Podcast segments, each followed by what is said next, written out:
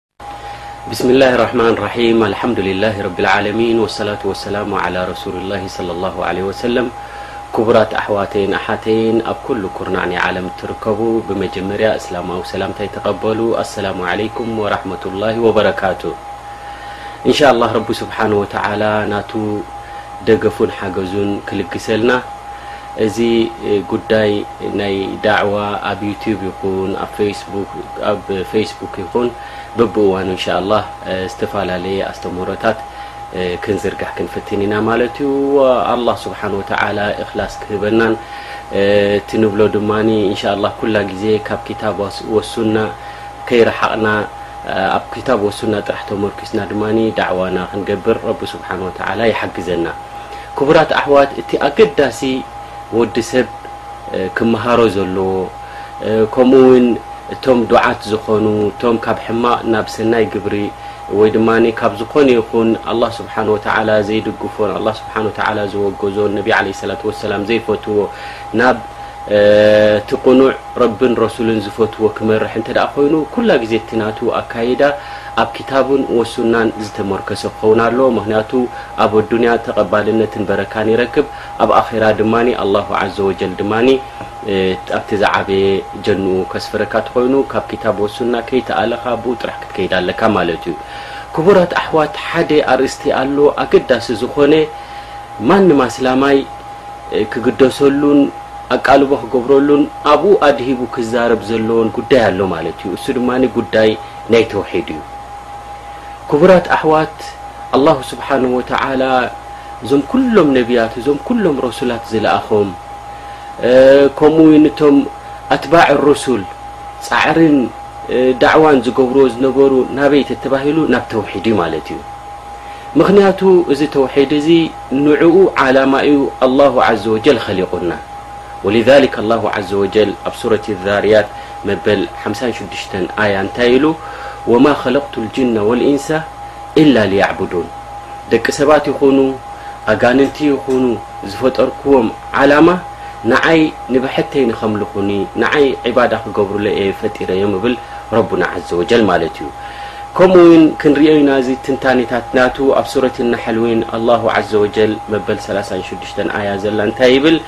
ወለቀድ በዓስና ፊ ኩሊ ኡመቲን ረሱላ ኣን ዕቡዱ ላሀ ወጅተኒቡ ጣጉት ኢሉ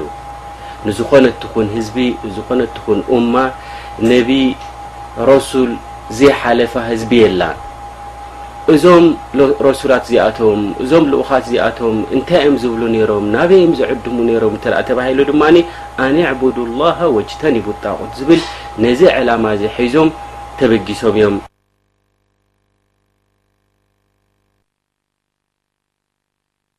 ሰላሳን ሽዱሽተን ኣያ ዋዕቡዱ ላሃ ወላ ቱሽሪኩ ብሂ ሸይኣ ይብል ንኣላህ ጥራሕ ንብሕቱ ኣምልኹ ኢኹም ንዑ ጥራሕ ተገዙ ኢኹም ንካሊእ ከይተምልኹ ይብል ከምኡ ውን ኣብ ሱረት ኣልኣንዓም ካብ ሚእትን ሓምሳን ሓደን ክሳብ ሚእትን ሓምሳን ሰለስተን ዘሎ ወስያ እንተ ርእናዮ ድማ ቁል ተዓለው ኣትሉ ማ ሓረመ ረብኩም ዓለይኩም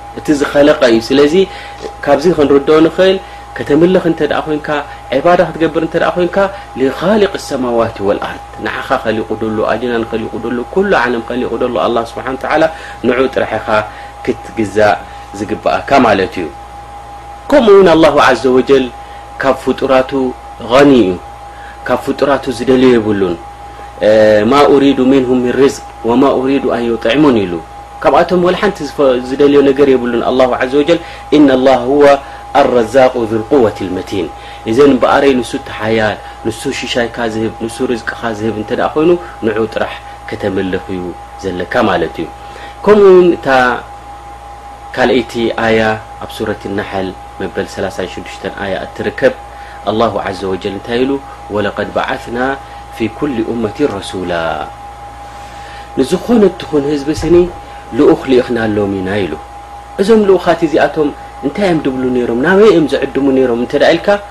ኣን ኣዕቡዱ ላህ ወጅተኒቡ ጣጉት፣ ንሓደ ኣላህ ስብሓነሁ ወተዓላ ንዑ ጥራሕ ኣምልኹ ካሊእ ኣይትገዝኡ፣ ኣላህ ስብሓነ ወተዓላ እውን ንሱ እዩ ፈጣሪ፣ ንዑ ጥራሕኩም ከተምልኩ ዘለኩም፣ ኣን ኣዕቡዱ ላህ ወጅተኒቡ ጣጉት፣ ጣጉት ዒባዳ ሊቀይሪላህ ካብኡ ረሓቑ ኢኹም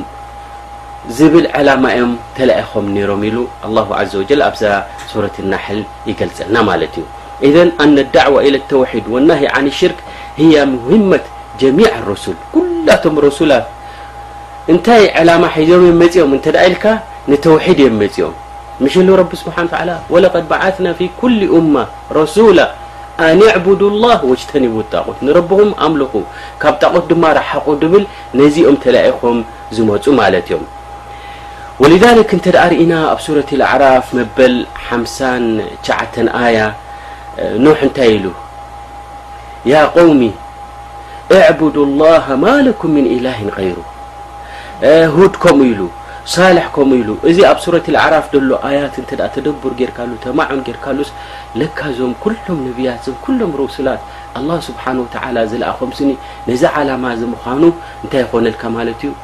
ብሩህ ይኾነልካ ማለት እዩ ኣን ዕቡዱ ላህ ውጅተኒ ቡጣቁት ነዚኦም ተላኢኾም ማለት እዮም ያ ቀውሚ እዕቡዱ ላሃ ማለኩም ምን ኢላህን غይሩ መን ኣሎ ብጀካ ኣላ ስብሓን ተላ ፈጣሪ ኣለኩም ድዩ ዝኸለቀኩም ኣሎ ድዩ ንዑ ጥራሕ እቲ ዕባዳ ዝግባእ ንክብሉ ተላኢኾም ማለት እዮም እዘን እቲ ሕክማ ኣላሁ ዘ ወጀል ጥበብ ዝገበሮ ንደቂ ሰባት መምርሒ ንክህቡ ልኡኻት ዝለኣኾም ንምንታይ ምዃኑ ፈሊጥና ህይ ኣዳዕዋ ኢለ ተውሒድ ናብ ተውሒድ ንኽዕድሙ ወናሂ ዓኒ ሽርክ ካብ ሽርክ ተጠንቀቑ ንኽብሉ ነዚ ዕላማ እዚ እዩ ረቡና ዓዘ ወጀል ልኢኽዎም ማለት እዩ ከምኡ እውን ብሓደ ሸነኽ ድማ ካብዛ ኣያ እዚኣ ዓብዪ ዓብዪ ፋኢዳ ክንረክብ ንኽእል ማለት እዩ ኣነ ዲን ኣልኣንብያ ዋሕድ ዲን ናይ ነቢያት ሓደ እዩ ኣይፈላለዩን እዩ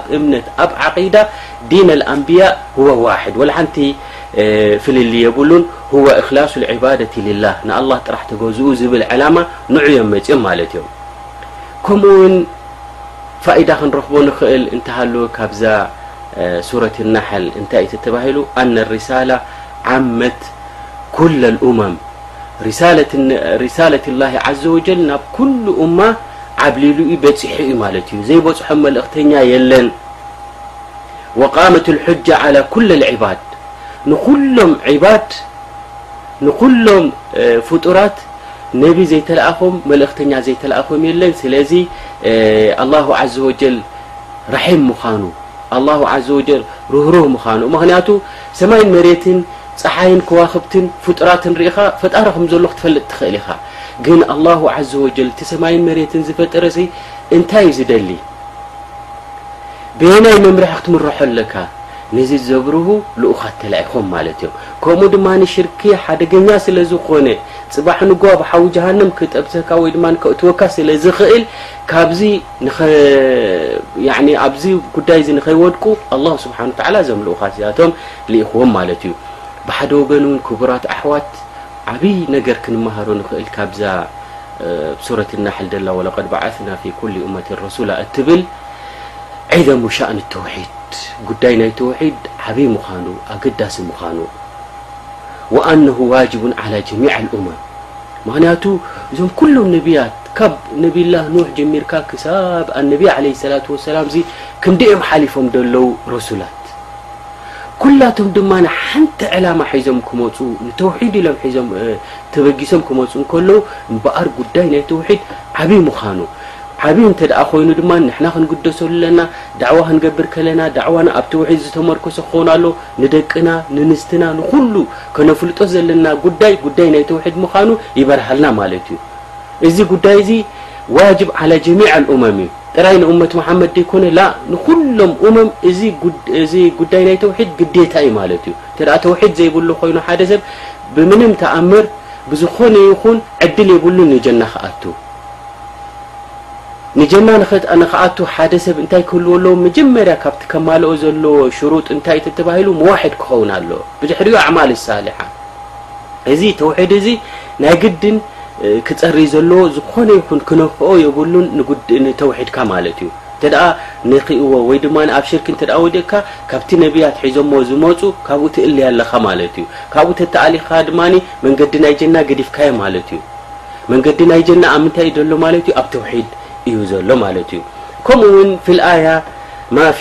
ላኢላሃ ኢላላህ ሚን ነፊ ወልኢስባት እዛ ላኢላሃ ኢለላህ ሙሓመድ ረሱሉላህ ትብል ነፊይ ወልኢስባት ኣለዎ። ኡሉህያ ዝበሃል ወይ ኣምልኾት ዝበሃል ማንም ዝግብኦ የለን ኢለላህ ኢኻ ትብል ዘለኻ። ላኢላሃ ክምለኽ፣ ዒባዳ ክግበረሉ፣ ክትምርከኸሉ፣ ዙል ክትገብረሉ ዝግባእ የለን። ኣይፍቀድን እዩ ንማንም። ኢላህ ዝበሃል የለን ኢለላህ ዓዘወጀል ብጀካ ሓደ ረቢ ኢልካ